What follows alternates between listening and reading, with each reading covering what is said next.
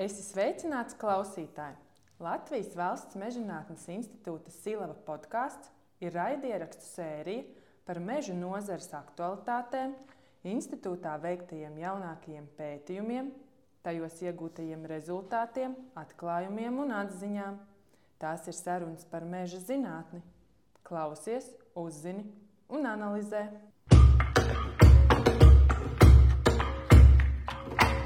Sveicināti klausītāji!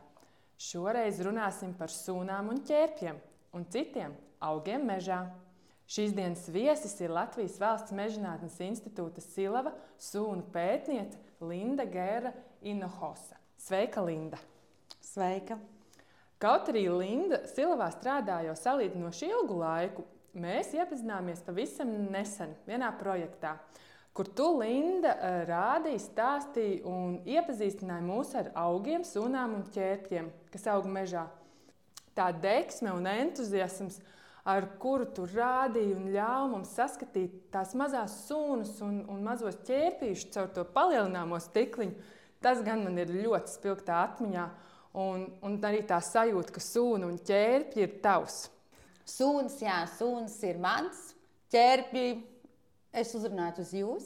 Es sāku ar sūnām, mans maģistrs, mans bakalaurs, arī doktora darbs ir saistīts ar sūnu sugām. Ar ķērpiem es iepazinos šeit Silavā, kad bija uzdevums arī iepazīt šo grupu. Teikšu, ka ķērpi ir, manuprāt, morfoloģiski daudz, daudz sarežģītāki un arī noteikšanā nu, kā grupa. Jo, nu, ja ņemsim sūnas, ir augi, bet ķērpi tomēr ir atsevišķa taksonomiska grupa. Nezinu, kādā viņi tādā ir iedalījumā, bet nu, viņus veido gan aļģe, gan uh, sēne. Tā kā divi organismi kopā. Uz ar to man liekas, ka arī nu, tā noteikšana un tā daudzveidība ir daudz uh, grūtāk uh, iemācīties un izprast. Bet jā, sūnas uh, tas ir vēl aizvien tāds mans hobijs. Par to es arī gribēju noskaidrot, kad uh, paskatoties internetā, nu nav tā, ka es atradu daudzu sūnu un ķērpju ekspertu. Kāda vispār ir tas ceļš, lai nonāktu pie tā, ka tu esi gatava savu dzīvi saistīt ar sūnām, to pētniecību, un kā tu nokļūsi silavā? Suns bija pirms silavas. Es neesmu no tiem cilvēkiem, kuri piedzimst ar kādu ideju. Un un iet uz priekšu. Nu, proti, ka man patīk suns. Jo man liekas, ir divi veidi tādi cilvēki. Mūsdienās jaunieši vispār jau tādi ļoti tālāk domājoši. Viņi vai nu izvēlās kaut ko vienu, viņiem tas patīk un viņiem to vajag. Vai arī tu zini apmēram, kas tev patīk, un tu izvēlies no tā, ko tev piedāvā. Manā gadījumā bija tā, es, zināju, ka es gribēju savu darbu saistīt ar mežu. Un tajā laikā, Latvijas universitātē nu, izveidojās tāda sunu grupa, bija vairāki, kas tieši interesējās par šo organismu grupu. Un uh, man piedāvāja, paņēmu.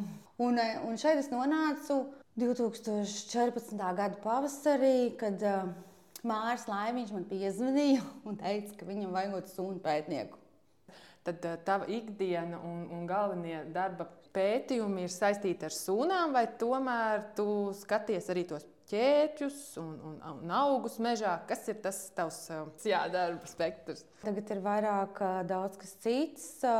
Ir sūnas, ir nedaudz arī ķērpji, bet, kā jau teicu, es nesaucu sevi par lihenologu. Ja man vajadzētu izvēlēties, saukt sevi par biologu, es vairāk tieši nodarbojos ar augu sugām, ar, ar zemesēdzes vegetāciju. Zemesaites vegetācija ietver gan krūmus, gan vaskulāros augus, tas ir laksta augus, spora augus, gan sūna augus, gan arī ķērpus. Un arī koku sugas un kokus, protams. Tas viss ir kopā, līdz ar to tev jāzina viss. Jo pēdējā laikā mm, mums ir tieši vairāk pētījumu, kas saistīti ar meža mm, ceļiem un grāvjiem, kas ietver visu vegetāciju. Nu, tur ir arī zemesacē diezgan daudz sūnas. Ja, piemēram, mēs varētu tādu piemēru grāvjiem, arī ceļi ir nu, cilvēku veidot ekosistēmu. Tas ir tādā meža ekosistēmā, atsevišķa teikt, tāda hibrīda ekosistēma, kas ir cilvēku uzturēta un cilvēku veidota. Tur nosakām vegetāciju un skatāmies, ko viņi var dot. Un atkal nu, tos mīnus, kas ir tas sliktais. Jo lielākoties es strādāju kopā ar Zāni e, ekosistēmu pakalpojumu kontekstā. Un no ekosistēmu pakalpojumu ir tas viss, ko konkrētā ekosistēma var dot cilvēkam. Ņemot vērā, ka mēs daži zinātnieki sauc šo par antropocēno laikmetu, nu, tad ekosistēma pakalpojumi ir tieši tāds antropocēnā laikmeta pierādījums. Un ko liecina, ko pastāstīja augi, piemēram, tajos grāvjos? Kādus secinājumus var izdarīt? Augi ir tāds labs indikators. Ne, pirmkārt, jau to, kādi augi tur aug, nosaka daudz dažādu faktoru. Piemēram, gaisma, mitrums, cilvēka ietekme ir vai nav tur bijusi, augsnes sastāvs noteikti. Un savukārt, ja mēs šos apstākļus nezinām, mēs sastopam noteikti kaut kādu augstu kompozīciju, un no tās mēs atkal varam spriest par to, kādi ir šie ārēji apstākļi, kas te ir. Pieņemsim, mēs ejam gar ceļu un tur pilns ar nātrēm. Tad mēs zinām, ka šeit ir diezgan daudz slāpeklis, jo nātrēm patīk tādas ar slāpekli bagātīgākas augsnes, kur ir barības vielām piesātinātākas. Un, uh, savukārt, uh, ja mēs skatāmies grāvī, kur ir ūdens, tur aug ūdens augi. Mēs varam atrast uh, fragmentus, austrālus, niedra. Vai arī visi noteikti zina filpendulu, mārī, tas ir um, vīgriezs tāpat arī visādi grīšļi. Bet tāpat laikā grāvim, pieņemsim, ja viņam ir liela tā mala, augšā mēs varam arī sastapt melni, brūklēni, varam kādu kladoniju, nu, kas ir tāds sausāka vieta. Tad šie augi, tur, kur viņi aug, viņi norāda konkrētiem šiem apstākļiem, kādus mēs varam nu, raksturot konkrētai vietai. Mēs varbūt varētu parunāt, kas notiek mežā. Tu jau tā kā sāki par augu tām sabiedrībām, kas aug mežos, ka arī tās mēs varam izmantot kā indikātoru sugas, protams, lai noteiktu meža tipu, attiecīgi pieņemt lēmumus, ko tur darīt tajā mežā un kā vispār ieiet šajā pasaulē un, un sākt uh, iepazīt augus un vērtēt viņus mežā un pēc tam izmantot šīs zināšanas. Tu jau minēji nātri par auglīgu. Vai nabadzīgāku, Jā. vai slapjāku, vai sausāku, vai gaišāku, vai noēnotāku. Jā. Bet, ja tu tā man tieši jautā, tad, nu, protams, varētu pieminēt tos uh, meža augšanas apstākļu tipus. Silā tu nekad tur tāds nātris vai tās niedres nu, nebūs. Varbūt, ja tur būs kaut kāds vienkārši, nu, pieņemsim, divu kvadrātmetru slapjums, ja, bet, ja tu ņem tādas, nu, es nezinu, vairāk par 60% no visas kopējās raksturojošās vegetācijas, tur tādi augi nebūs. Tātad katram šīm meža tipam, vai varbūt katrai šai vietai, ir savi raksturojošie augi. Ja mēs zinām šo augu kompozīciju un šīs raksturojošās sugas, un ja viņas dominē, tad mēs varam pateikt, kādā meža tipā mēs esam. Tas skaitā arī koki. Vai tur ir tikai skuji koki, vai tur nāk arī kaut kāda platlapi iekšā. Līdz ar to varbūt tā ir kaut kāda gārša. Tur varētu būt barības vielām nu, bagātāka augsne tātad citi augi, bet nu, tāpat laikā, pieņemsim, ja mēs iedomājamies tādu platlapju mežu, tur ir lielāks noēnojums vasarā. Tādiem mežiem ir izteikts tāds pavasara efekts, kad tu redzi, ka tur aug baltās vizbulis, vai zilais vizbulīts, vai lakačs, kurus atkal tu neredzēsi vasaras beigās. Jo nu, pietrūks gaismas un neviens augsts īsti dominēt nevar.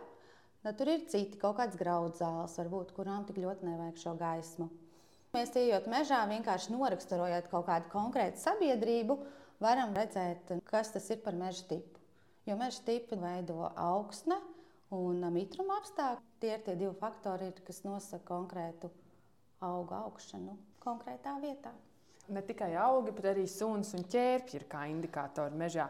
Varbūt vairāk šajā kontekstā Es atceros, ka jau skolā stāsta, ka tad, kad ir tīrs gaiss, tad ir vairāk tie ķēri redzami kokos. Un, un kā ir ar visu šo, kur mēs to varam redzēt un izmantot? Nu jā, tur ir tikai auga, bet ir arī ķērpji, ir arī sūnas un vispārējais. Ja mēs kaut ko to pašu silu, ja, ko es pieminēju, piemēram, kur viss ir sēņots, tur pārsvarā aug ķērpji, tie gaišie augi, kladonijas un kladīnas. Bet eh, ķērpji un sūnas ir tādi mazāki izmēros, bet viņi ir tādi, nu, manuprāt, ļoti interesantas grupas, kuras ir saistītas ar konkrētām vietām, ar konkrētiem apstākļiem. Es nezinu, vai ķērpi ir vairāk, kur ir tīrāks gaiss, bet ir konkrētas sugas, kuras tur tiešām nebūs, vai kuras tur tiešām būs. Ir tādi ķērpi, nu, viņi kā bioindikātori, viņi rāda uz to gaisa tīrību atceros, ka bija tāds pētījums, kur bija kaut kāda fabrika, ka šo ķērpju sugu uh, sastāvs mainās no tā, cik tālu. Tu vari pateikt, kāds ir tas piesārņojums, un otrkārt, tu vari pateikt arī pēc nu, kaut kādām ķīmiskajām analīzēm. Suns arī spēja būt bioindikātori. Ir izstrādāta disertācija par to, ka zemesēdzes sugām uh, nosaka šo ķīmisko sastāvu, nu, un tu vari pateikt, kāds ir piesārņojums. ļoti izteikts ir īstenībā ir sūnām, kuras aug upēs. Jo sūnām primārais faktors ir ūdens. Lai būtu sūns, vajag ūdeni. Ir arī tās pionieru sugas, kas aug tādās uh, tieši pilnīgi traucētos biotopos, sausumos, uz akmeņiem. Bet sūnu daudzveidība palielinās, kur ir lielāks mitrums. Tāpēc, ja mēs skatāmies augus, tad man liekas, ka auga daudzveidība palielinās uz dienvidiem bet sūnu daudzveidība palielinās uh, uz ziemeļiem. Somija salīdzinām, tur ir visi sunu pētnieki. Es negribu sajaukt par tropiem, jo man nav tādas zināšanas par tropu sugām. Jo tur ir viss tās arī, kas uh, aug uz lapām. Sunas, jā, kas aug uz lapām.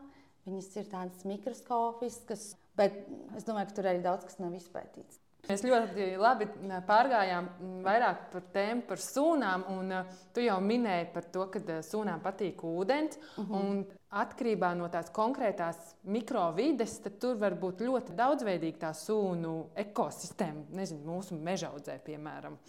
Cik vispār sūnu sugu mēs jau zinām, droši vien arī daudzus jau neesam atklājuši. Un, un cik var sastapt, piemēram, kādā meža nogabalā, kad iet vērtēt. Uh, Kas tur ir? Tas ir jaunais suņu sugu saraksts. Es nezinu, cik tur būs iekļauts. Ir virs 600 sugām. Jo jā, ar sunām ir tā, ka laiku tomēr ir, ir iespēja atrast kādu jaunu sugu. Čērpjos noteikti jākļūst par lihanologu, un šī iespēja ir dota. Vai tev ir izdevies atklāt kādu jaunu sugu? Nē, tas nav man. Tas nav tev. Godvārds, tas neesmu tas cilvēks, jo ir cilvēki, kas vienkārši uzkrīt. Es vai nu uzkrītu un neredzu, vai nu neuzkrītu, bet es neesmu atklājis nevienu jaunu sugu. Kaut gan, varbūt meloju, mēs bijām vienā studentu praksē, Kolkā, kad es izstrādāju savu disertāciju Latvijas Universitātē. Mēs bijām zilajos kalnos, tajā gravā, un tur mēs atradām vienu no frulānijām. Jā, Latvijā jaunu sugu tā bija frulānija, fragilifolija, nepateikšu latvisko. Un uh, pirms tam bija vēl divas frulānijas sugas, un tagad ir trīs. Mums celtā jau bijusī austrā apboliņa toreiz apstiprināja, ka tā ir jauna suga. Tik pa laikam atnāk kaut kādas jaunas, nevis jaunas pasaulē, bet jaunas Latvijai. Tāpēc arī būs šis jaunais saraksts, kur cenšamies apvienot, ko katrs tieši sunu pētnieki ir kaut ko savākuši. Galvenais, kad ir herbārijas, kur tas ir deponēts un kad jebkurš var pārbaudīt. Tas īstenībā ir ļoti svarīgi runājot vispār arī par augiem, par ķērpiem un sūnām. Kad, e, ja jūs kaut ko atrodat vai gribat, lai kaut ko pārbauda, ir ļoti svarīgi ievākt uh, herbāriju. Pēc bildes telefonā nevarēs īsti uh, pateikt. Varēt, varēs noteikti, bet, uh, bet lai precīzāk pateikt, noteikti vajag to herbāriju. Un arī tad nu, viņš tiek deponēts, un tad jebkurā mirklī, ja rodās jautājumi, Tad uz tiem var arī atbildēt, vienkārši parādot šo materiālu. Herbārijas ir svarīgs, tīpaši zinātnē, tomēr, jo, ja tu publicē daudzveidības pētījumos un rakstos, ir ļoti svarīgi šie sugu saraksti. Svarīgi, ka tev ir ar ko pamatots. Bet par tām sūnām, ķērpiem. Tu jautāji, cik var būt. Ar sunām un ķērpiem ir tas, kas varbūt atšķirās ar tiem vaskulāriem augiem, kad suns un ķērpi var augt uz dažādiem substrātiem. Var augt uz augsnes, tie ir tā saucamie epigeīdi, var augt uz dzīvu koku stumbra, tie ir epifīti, var augt uz atmirušas koks, tie ir epiksīli. Vēl var augt arī uz akmeņiem, un līdz ar to viņi tajā mežā nu, var aizņemt daudz nišas. Piemēram, tādā purvā mēs zinām, ka apmēram ir kaut kādas 36 vai 37 fagnu sūnas, nu, kas veido pārsvarā purvu. Tad, ja tu paņemsi kvadrātmetru purvā, kur tev būs cīnis un vēl tā ieplaka, ja es domāju, ka tur noteikti var kaut kāds desmit jau saskaitīt. Tas ir vienā kvadrātmetrā. Un, um, retas un aizsargājamas sunu sugas, tās arī ir Latvijā daudz. Es tev teicu, ka ir uh, 640 sugas. Jā. Jā. Tad pusi no tām ir tādas, kuras tur es neesmu redzējis. Viņas ir ļoti reti sastopamas. Bet tā. viņas ir reti sastopamas, vai viņas vēl kāds vienkārši nav atradis tik daudz? Es domāju, gan, gan. Tūdaļ 2024. gadā būs Latvijas sarkanā grāmata. Un, ja tu paskaties tos rezultātus, es neesmu piedalījies tapšanā, bet es esmu novērojis šo procesu. Biologu pēdējo 20 gadu laikā ir palielinājies. Un tā informācija nu, ir arvien vairāk, jo vairāk cilvēku skatās. Sūni jau nebūs kaut kas tāds, ko katrs pierakstīs Zīvešu par krītalām. Kādreiz bija viens soms vai zviedrs, kurš teica, ja jūs lielāku paraugu ievāksiet, jūs vairāk sugas atradīsiet. Nu, jo viņas spēja būt ļoti niecīgas, kuras var pamanīt tikai mikroskopā. Piekrīt, jo vairāk mēs meklēsim, jo vairāk mēs uh, pierakstīsim un uh, jo vairāk mēs zināsim. Ņemot vērā, ka katru gadu tiek nominēta gada dzīvnieks, gada augs, droši vien arī ir gada sūna. Varbūt vēlēs pastāstīt, kāda ir šī gada sūna un kāpēc viņi ir dabūjuši šo titulu. Uh, jā, es varu pateikt, kur ir pagājušā gada sūna. 2023. gada sūna bija Wolfas Fagans. Botānika biedrība ievēl arī gada augu. Pagājušajā gadā tā bija purpa pārde. Un zem botānikas biedrības ir arī biologu biedrība. Izveidot tādu, tādu sunu grupu, kur visi nu, tādi sunu pētnieki var pievienoties, ja vēlās. Un ievēlam arī šo gada sunu.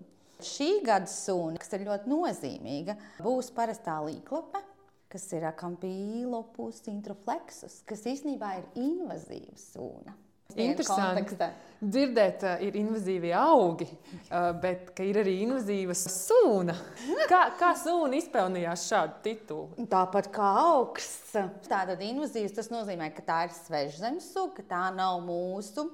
Ir visādi ienākšanas un šo izplatīšanās ceļi, spēja augt un attīstīties un izrāda agresivitātes pazīmes. Proti, izkonkurē visus pārējos augus un dominē kaut kādā konkrētā vietā. Tā ir vienīgā sūna, jā, ko es zinu. Viņa ir iekļauta arī tagad Latvijas invazīvo sugu sarakstā. Nesen izdot jaunu grāmatiņu, kur ir aptuveni 73 augi, un uh, viena no tiem ir šī sūna. Viņa raksturīga purviem, purva malām, nu, kas ir bijuši apsaimniekotie purvi. Un es uzskatu, ka viņi ir uh, Āfrika vai kur, bet viņi ir kaut kad introducēta Lielbritānijā. Nu, tad, tad viņi no tās Lielbritānijas ir nokļuvusi te. Vai jaunu sugu ienākšana ir saistāma arī ar klimata pārmaiņu ietekmi? Pie mums paliek siltāks, tāpēc ienāk jaunas sugas, vai ir arī kādas sugas, kas pie mums pazūd klimata pārmaiņu ietekmē? Vai tas tomēr vairāk ir saistāms ar cilvēku darbību, ka mēs ievedam kaut kādus um, augus? Kaut kad bija problēma, kad koku audzētavās no citām valstīm ieved ne tikai uh, tur to substrātu, bet uz substrāta var arī augt kaut kādas sūnas, vai, vai ir kukaiņi, kurus ieved, vai, vai šis ir tas stāsts drīzāk? Nu, redz, sugai ir jāienāk, bet sugai ir arī jāizdzīvo. Vai tu vari izstādīt savu alveju ārā un atstāt par ziemu, un viņa spējas izplatīties? Nu, noteikti, ka nē.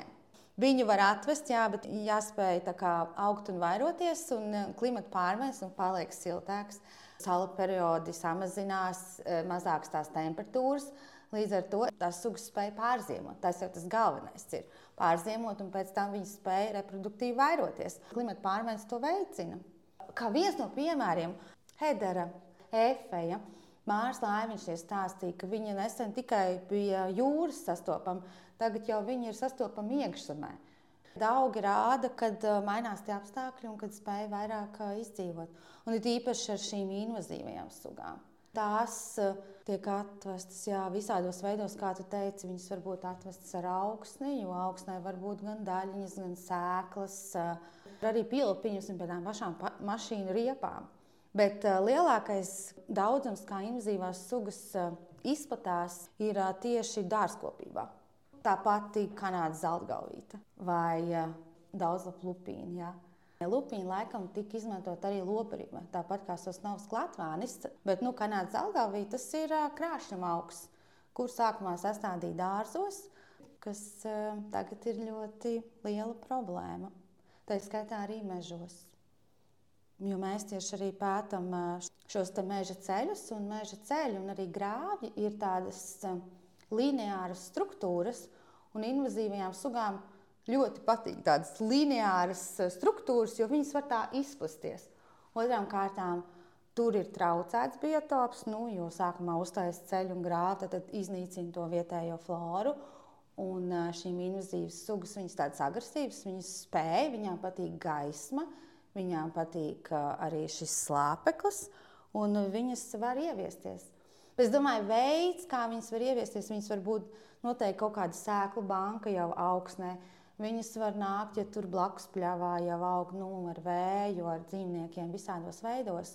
Un, uh, Ja mēs pabraucam par mežu, mēs varam redzēt to pašu kanādas uh, zeltgalvīti vai lupīnu. Jā, lupīnu ļoti diezgan strauji, man liekas, pārņem šīs parastās sugas.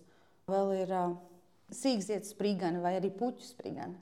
Tagad viņai vairāk patīk, man liekas, tādas upju ielas, bet viņa arī var sastapt mežā. Ir divi veidi, vai nu tā suga pielāgosies, nu, vai nu tā suga izzudīs. Nu, Bet tā konkrēti, kuras sugas mums ir izdušas, es nezinu. Bet, ja mēs salīdzinām tās pašas sunas, sugas, un tā arī ir sarkano grāmatu, kur tomēr ņem to kritēriju, laikam, nu, 50 gadi, ja 50 gadu laikā nav vēlreiz atklāta, tomēr saka, ka nu, Latvijā viņas vairs nav. Nu, ir dažas tās sugas, bet jāskatās, protams, kritiski arī uz to, kāda bija infrastruktūra pirms tiem simts gadiem un tagad. Un, jā, bet var jau būt arī, kad ir izdušas. Ja man jāstāsta par augiem, par sūnām un ķērpiem, mans darbs vairāk ir ar tādu apsaimniekotu meža ainavu. Un tā retāk sanāk uz kaut kādiem tādiem dabas liegumiem. Un kāda ir tā saimniecisko mežu flora?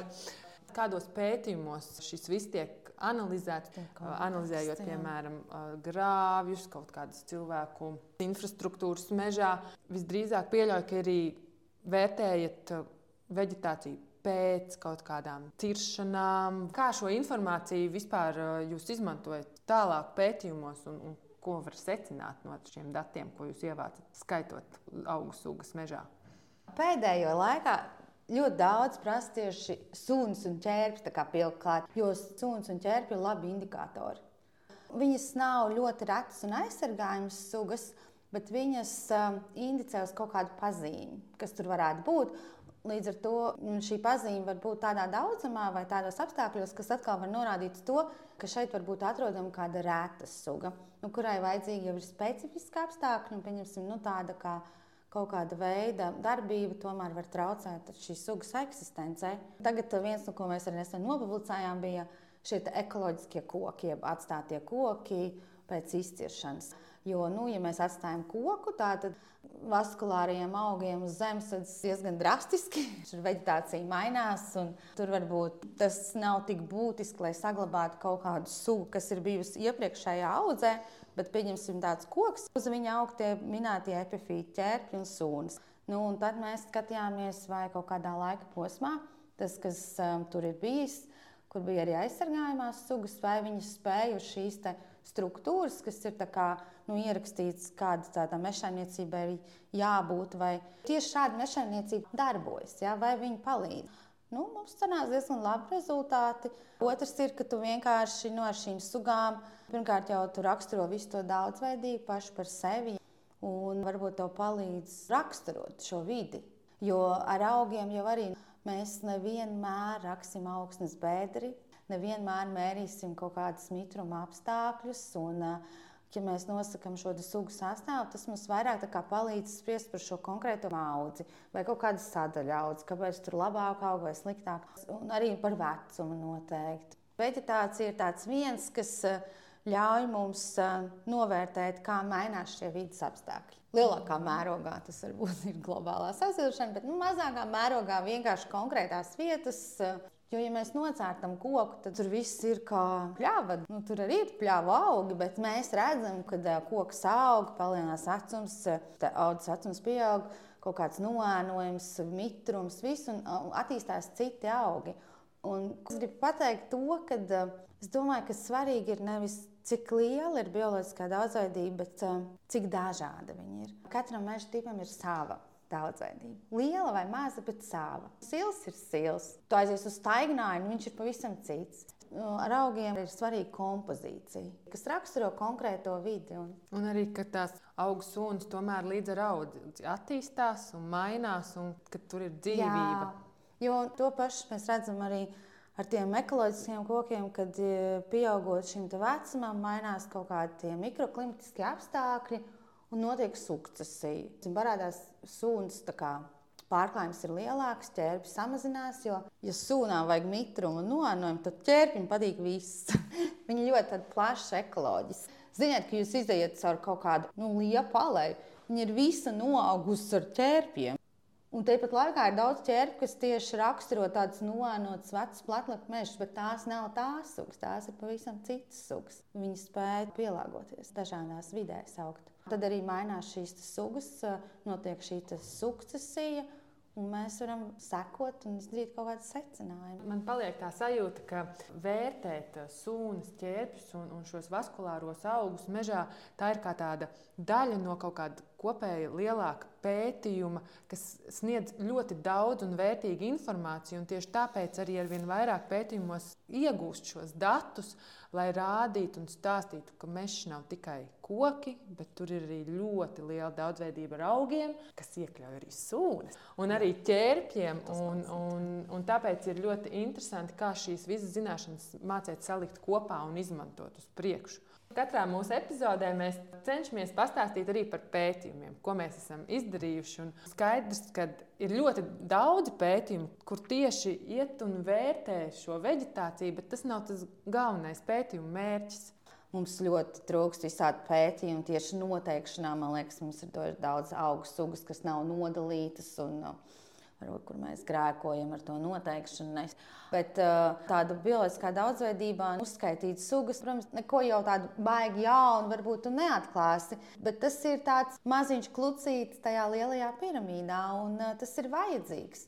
Noteikti tagad visu saista ar šīm mm, klimata pārmaiņām, bet nu, jā, augi jau arī nav tā, ka uh, šodien būs siltāks un tur augs pavisam cits augs. Šeit es gribētu teikt, ka ir ļoti svarīgi arī šie ilglaicīgie pētījumi.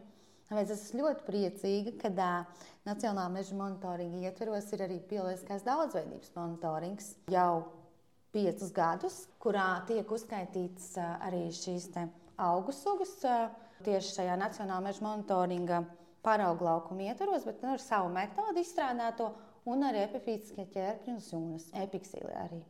Jā, tie, kas uz uh, kritalām. Sākumā varbūt liekas, ka tam nav nozīme, bet 10, 20 gadu laikā tu ies atpakaļ un tu jau redzēsi. Nu, uz visu kaut ko tu vari skatīties un atrast šīs izmaiņas. Lielas paldies, ka tu mūs ievedis tajā sunu un augu pasaulē. Un man liekas, ka te ir tik daudz interesantu, ko pārunāt gan par to, ko mēs varam redzēt, ko mēs varam atklāt. Un es ceru, ka mēs tiksimies vēl kādā epizodē, varbūt pārunāt vēl par kādām interesantām sunām un pētījumiem, kas notiek Silavā un ko tu veic. Paldies, tev, Linda! Paldies!